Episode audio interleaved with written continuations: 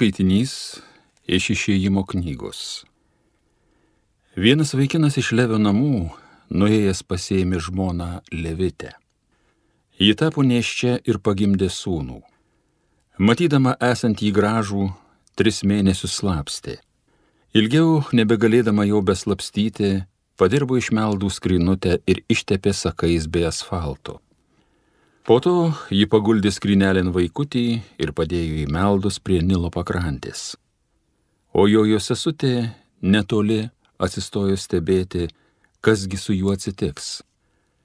Prie Nilo priejo faraono duktė nusimaudyti. Tuo tarpu jos tarnaitės vaikštinėjo Nilo pakrantę. Staiga jie tarp meldų pamatė skrynutę ir pasiuntė savo tarnaitę atnešti.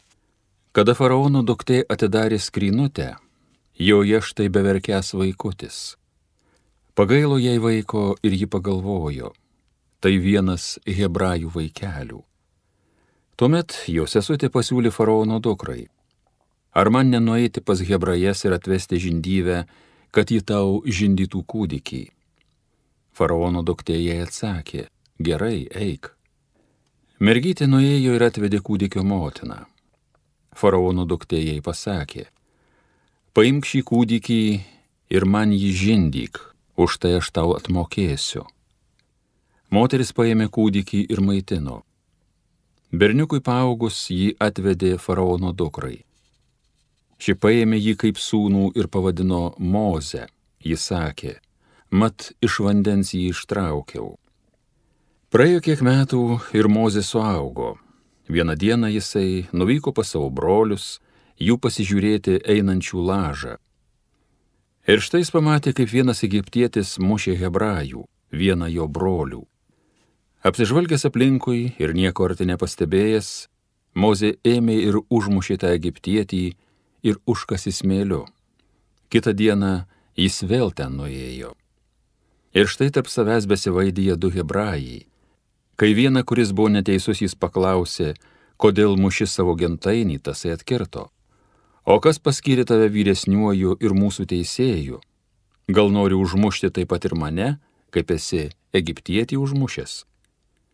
Tada išsigando Mozė, jis tarė savo vienas.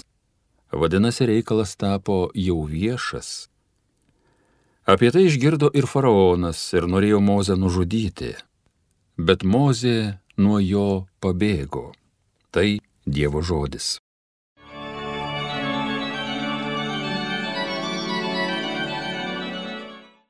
Nuolankieji, ieškokite Dievo ir atgis jūsų širdys. Įklimpau į gilę dumblynę, nėra man kur kojos atremti, vandens gelmėse atsidūriau, virsta per mane Vilnys.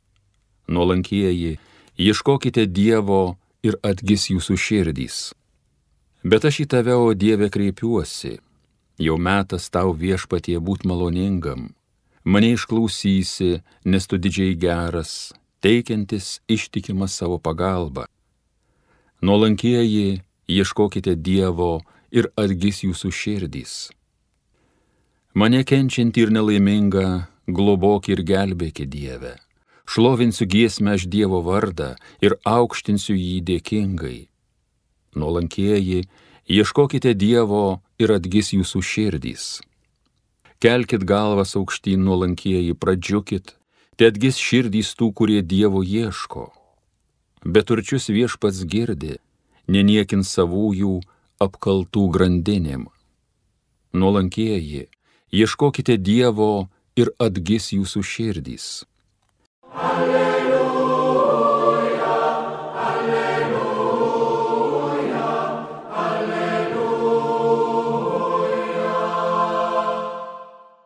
O kad išgirstumėt šiandien, ką jums viešpats byloja, tegul jūsų širdys nebūna storžėvis. Alleluja, alleluja, alleluja.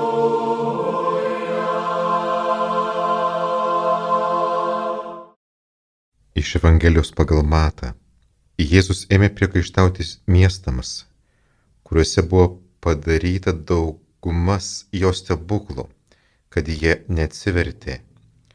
Vargas tau horazinė, vargas tau Betsaida. Jeigu tyrė ar Sidonė būtų įvykę tokie stebuklai, kokie padaryti pas jūs, jie seniai būtų atsivertę ir apsirengę atgailos maišais bei pasibarstę pelenais. Todėlgi sakau jums, tyrų ir Sidonui bus lengviau teismo dieną negu jums. Ir tu, Kafarnaume, negi būsi išaukštintas iki dangaus tu nugarmėsi iki pragaro. Jeigu Sodomoje būtų įvykę tokie stebuklai, kokie įvyko tavyje, ji būtų išlikusi iki šios dienos.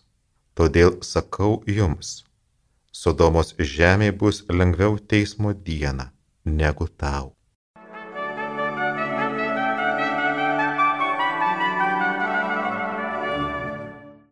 Atrodo labai paprasta Evangelijos vietą.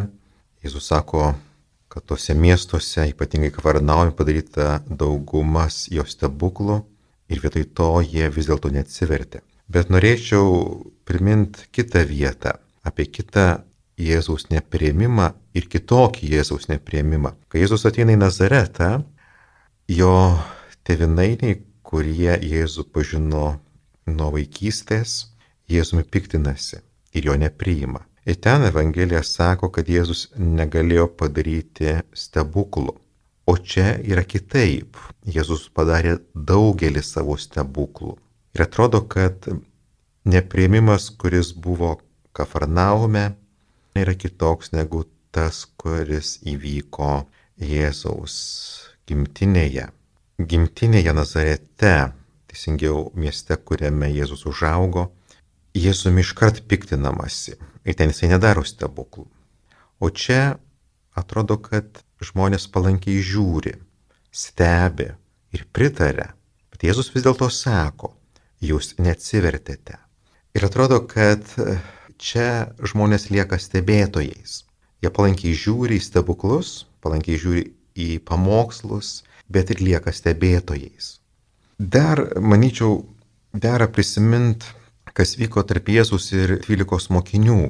Ypatingai Evangelijoje pagal Morku galima pastebėti, kad kada mokiniai gyvendavo kitokio mintim negu Jėzus, kad mokė. Evangelistas Morkus perduoda Jėzaus pranašystę apie mirtį ir prisikėlimą. Ir kai Jėzus sako, aš mirsiu, prisikelsiu, aš būsiu išduotas, išjoktas, mirsiu ant kryžiaus ir būsiu po to prikeltas. Iškart po to evangelistas Morkus kalba, pavyzdžiui, apie tai, kad mokiniai tarpusavį ginčijasi, kuris iš jų didžiausias. Ir va, čia galima matyti, Jėzus masto vienaip, gyveno vienais dalykais ir moko jų. O mokiniai paklausę, jie kalbasi ir matosi, kad gyvena visiškai kitais dalykais.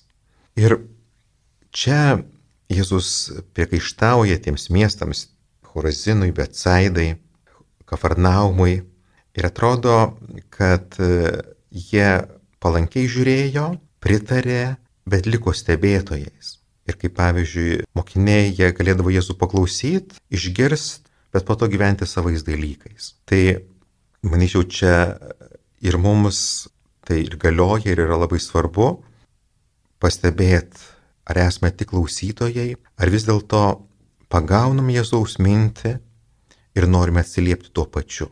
Ir šitos Evangelijos ištraukos apmąstymą norėčiau užbaigti vienais Jėzaus žodžiais iš Evangelijos pagal Joną. Labai retais žodžiais. Jėzus kalba apie draugystę. Jisai e, sako taip, nevadinu jūsų tarnais, nes tarnas nežino, ką veikia jo šeimininkas Jūs aš draugais vadinu, nes jums viską paskelbiau, ką buvau iš savo tėvo girdėjęs. E, draugystėje yra taip, kad draugai gyvena tais pačiais dalykais. Ir kai Jėzus prikaištauja tiems miestams, kuriuose buvo padaryta daugybė jo stebuklų, tai ten galima išvelgti, kad Jėzus gyvena vienais dalykais, nori juos perduot, bet jie lieka tik tai stebėtojais. Jie neatsiliepia tuo pačiu, neperima, nepagauna Jėzaus minties ir neatsiliepia Jėzui. O Jėzus nori, kad atvėrė širdį, jisai būtų suprastas ir žmonės atsilieptų tuo pačiu. Dėl to Evangelijų pagal Joną, būtų galima sakyti, Jėzus atveria labai jau giliai savo vidų ir sako, jūs aš draugais vadinu, nebevinu jūsų tarnais. Tai reiškia, kad laukiu iš jūsų atgalinio ryšio. Taigi šitą Evangelijos ištrauką įspėja nebūti tik tais stebėtojais, palankiais stebėtojais, neužtenka būti palankiais stebėtojais. Viešpats kviečia į draugystę, tai reiškia tą ryšį, kai suprantam, įsiklausom ir atsiliepiam viešpačiui Jėzui, jo žodžiams. Amen.